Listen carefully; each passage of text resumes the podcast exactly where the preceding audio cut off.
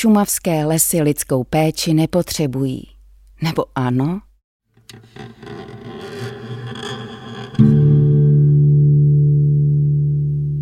Les se bez naší pomoci neobejde.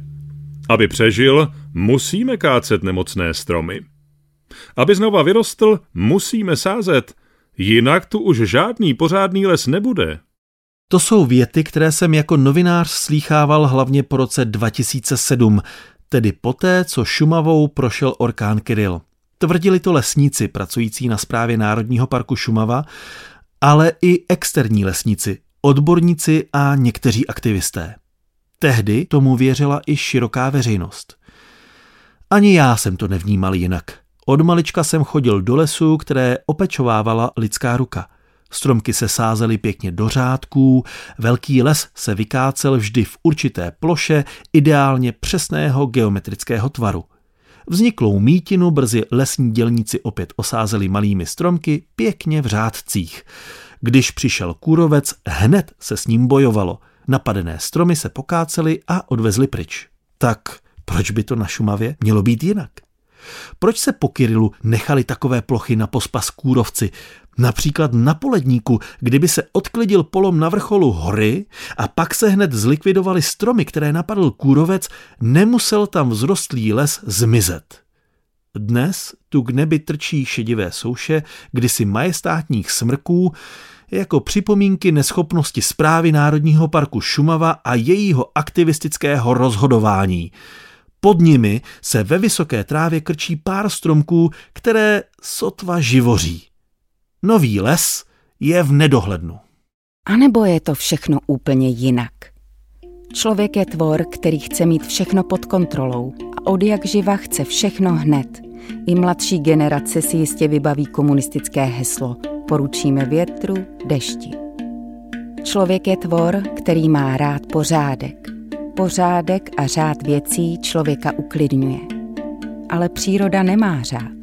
Alespoň ne v našem slova smyslu. A jasně nám to ukazuje v pralesích. Člověk je tvor, který pomáhá. Má dobrý pocit z každé pomoci. Komukoli, čemukoli. A tak musí pomoci. Všechny tyto lidské vlastnosti jsou pravděpodobně základem pohledu na les a na jeho pěstování. Les i stromy tak musí být pod kontrolou, musí být uspořádány do zřejmého řádu a případné odchylky musí být řízeny. Vyhlížejí-li dokonce jako poškození nebo nemoc, musí být lesu pomoženo. Tahle logika se odráží i v lesnické terminologii. Existuje termín výchova lesa. Když jsem tento termín jako teenager slyšel poprvé, představoval jsem si, jak taková výchova asi probíhá. To lesníci jako domlouvají stromům, aby rostly rovně, rychle a ne jako dříví v lese? Nebo jim nařežou? Dnes vím, že výchova v lese znamená, že jich spoustu pořežou. Později mi říkali, jak se provádí ochrana lesa. Člověk by řekl, že to zajišťují nějací ochránci, obklopí les a brání jej svými těly. Ale ne. Ochrana lesa znamená kácení stromů. Těch nemocných. A i těch, které by mohly onemocnět. A tak se do lidského vnímání lesa jen těžko vejde prales. Možná ještě ten boubín. Je smíšený a malý, ten se dá uhlídat, ale prales jinde na Šumavě, v té smrkové monokultuře? Také jste to takhle vnímali? A tak už v době vzniku Národního parku se o smrkových pralesích pochybovalo. Sami by možná obstáli, ale protože byly obklopeny hospodářskými lesy, ve kterých se škůdci mohou namnožit, mohly být zničeny škůdci z okolí.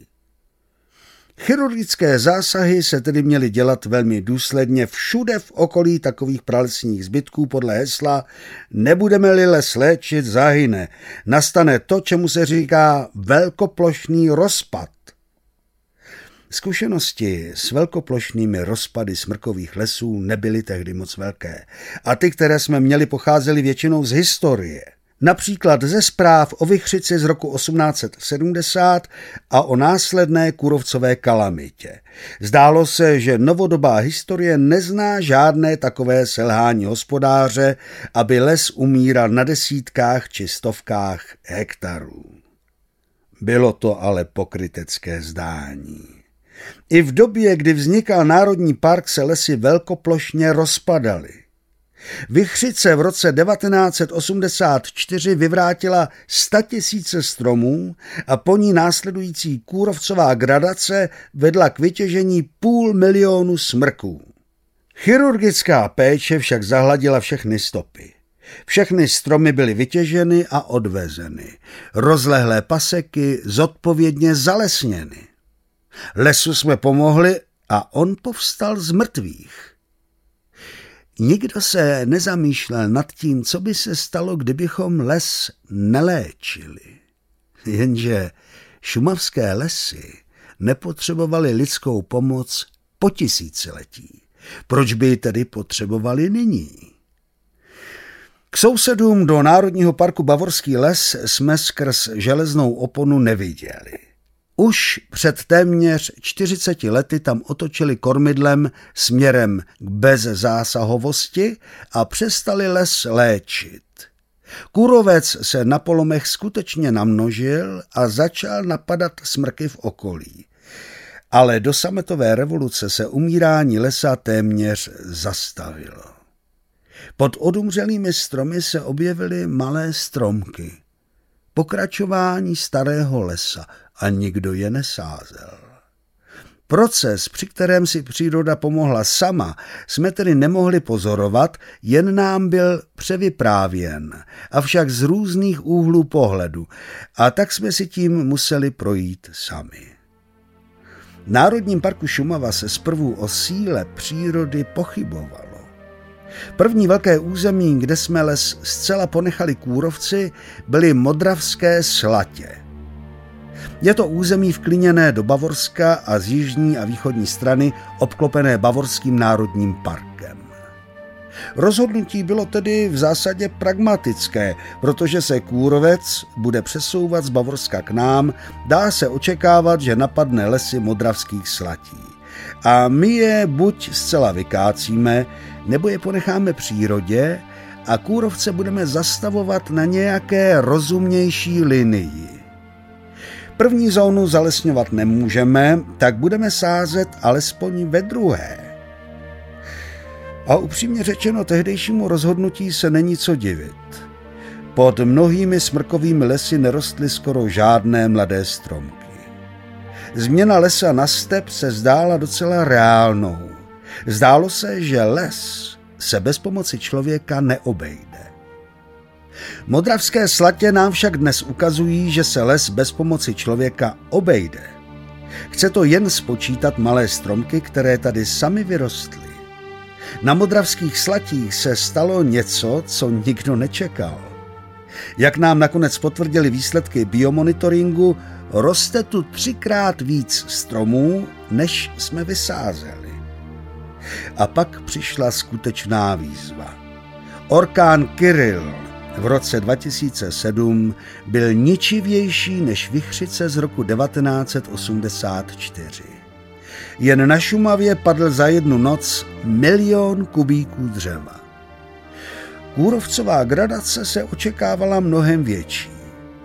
Opět stála zpráva před otázkou, zda vše vytěží, nebo najde nějakou novou linii, na které bude zastavování šíření kůrovce smysluplné. Zpráva takovou linii našla a rozhodla se společně s Ministerstvem životního prostředí ponechat bez boje proti kůrovci nebývale velkou plochu lesa. Bezzásahová zóna se zvětšila ze 13 na 24 Věděla, že to bude znamenat gradaci kůrovce a mnoho odumřelých smrků. A věděla, že to bude menší zlo, než vše vytěžit. Bylo ale nutné co nejpřesněji vědět, co se v takovém lese děje.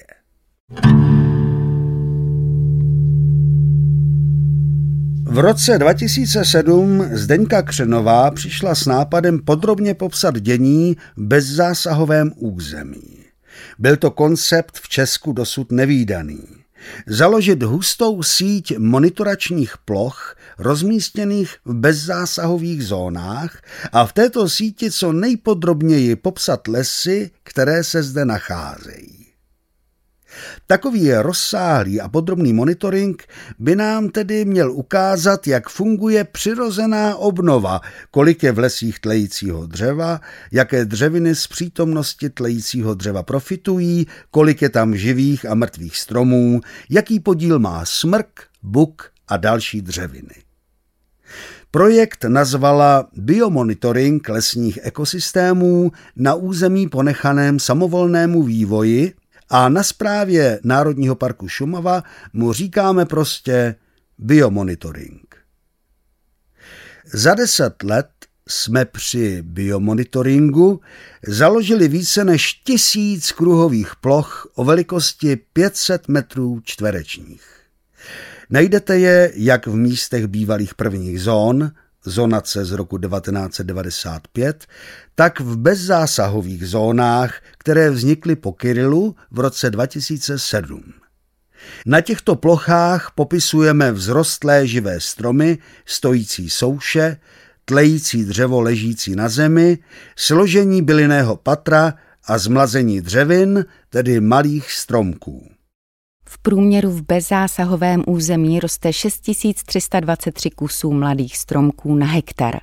Představuje základní údaj Pavla Číšková, zpracovatelka biomonitoračního projektu.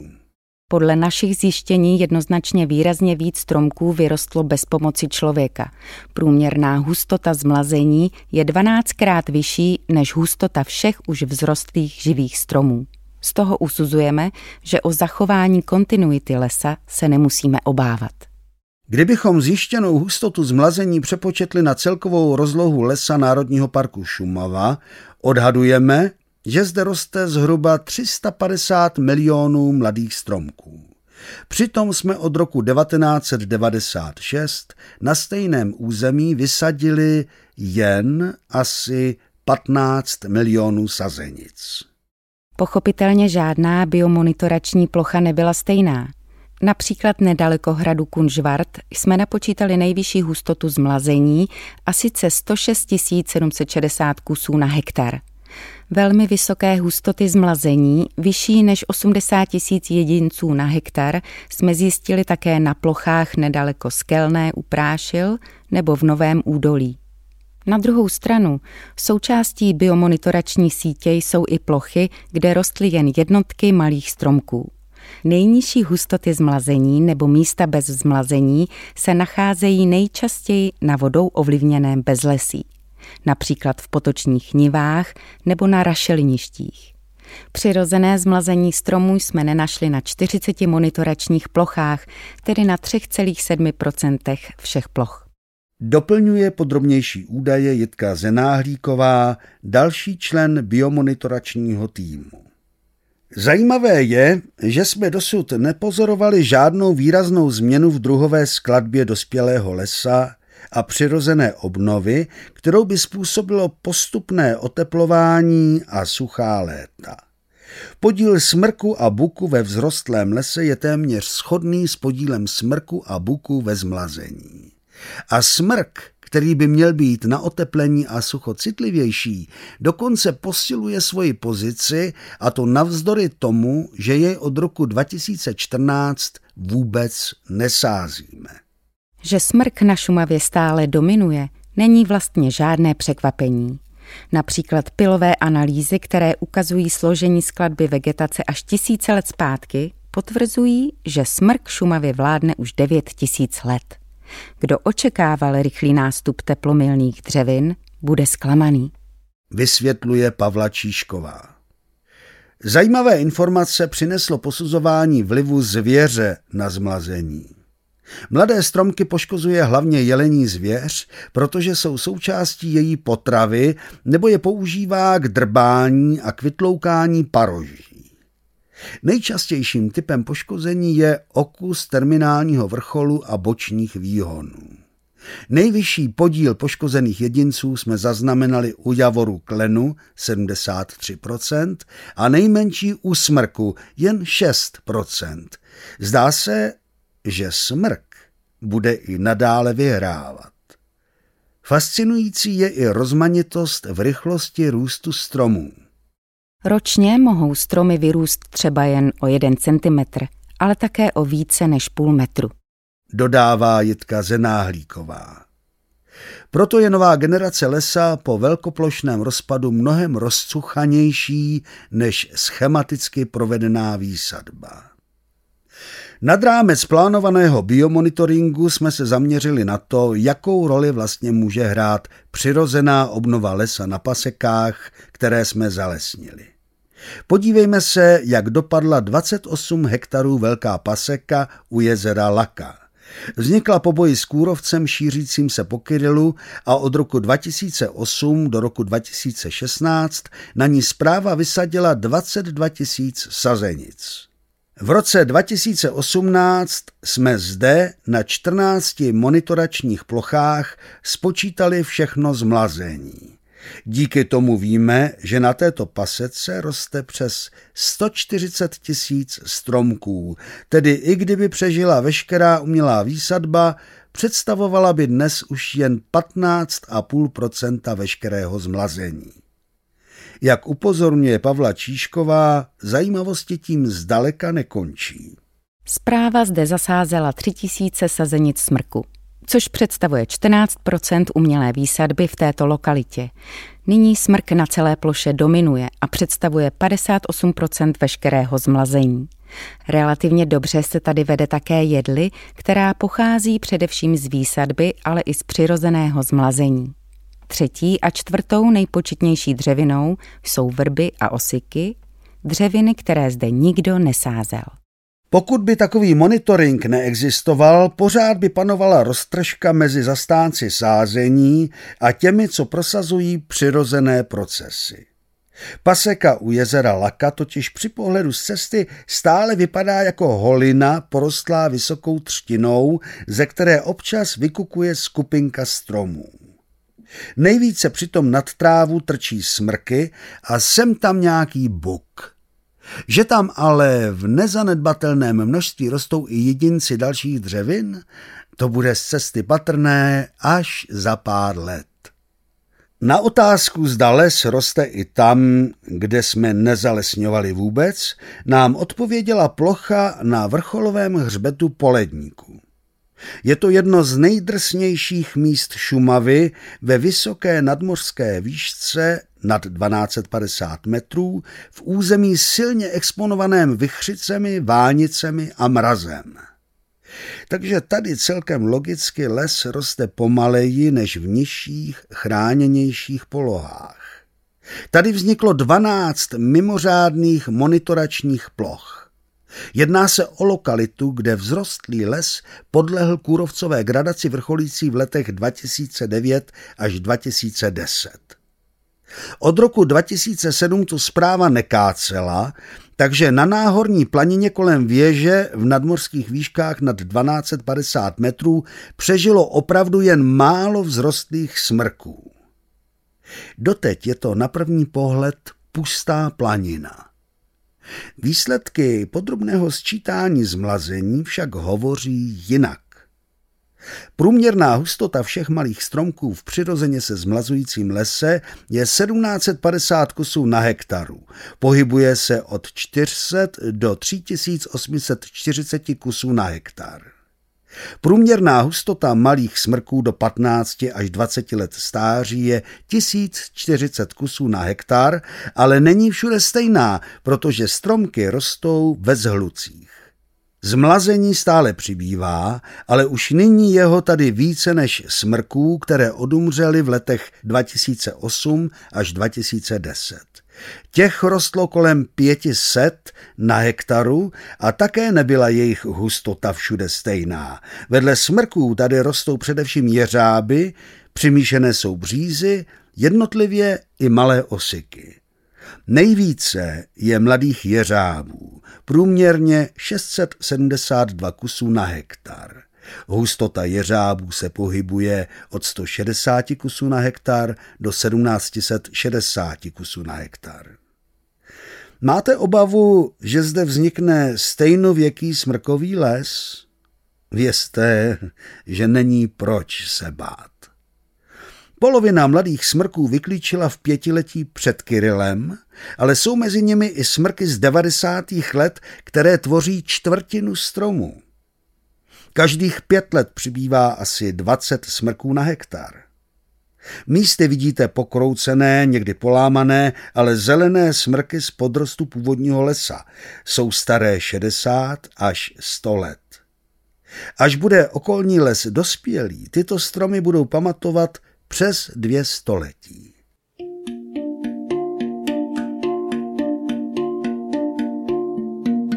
Les tu tedy nikdy nezmizel, stejně jako jinde na Šumavě. Jen má jinou podobu, která se stále proměňuje. A tahle úžasná dynamika, různorodost a rychlost, s jakou les osciluje od zeleného chrámu přes stožářiště souší zpět k zelenému chrámu, je doslova fascinující. A docela jasně odpovídá na otázku, zda v Národním parku kácet či nekácet. A zda sázet nebo nesázet. Zda pomáhat nebo ne.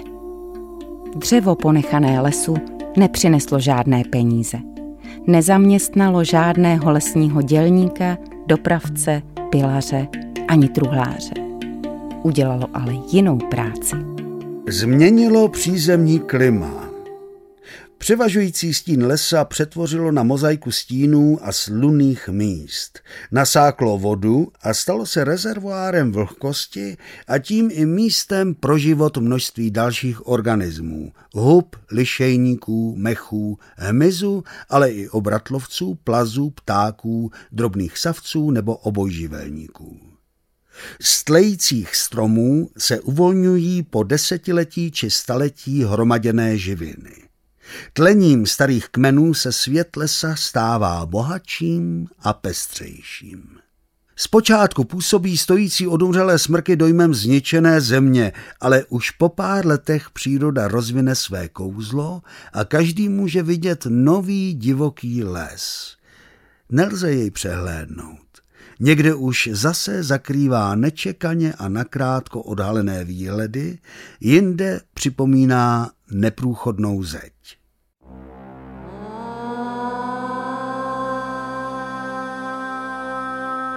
A přece, pořád se najdou lidé, kteří volají po skalpelu chirurga a po výsadbě nových stromů. Stále totiž pochybujeme o přírodních silách a věříme víc sobě, než tomu, co utváří les.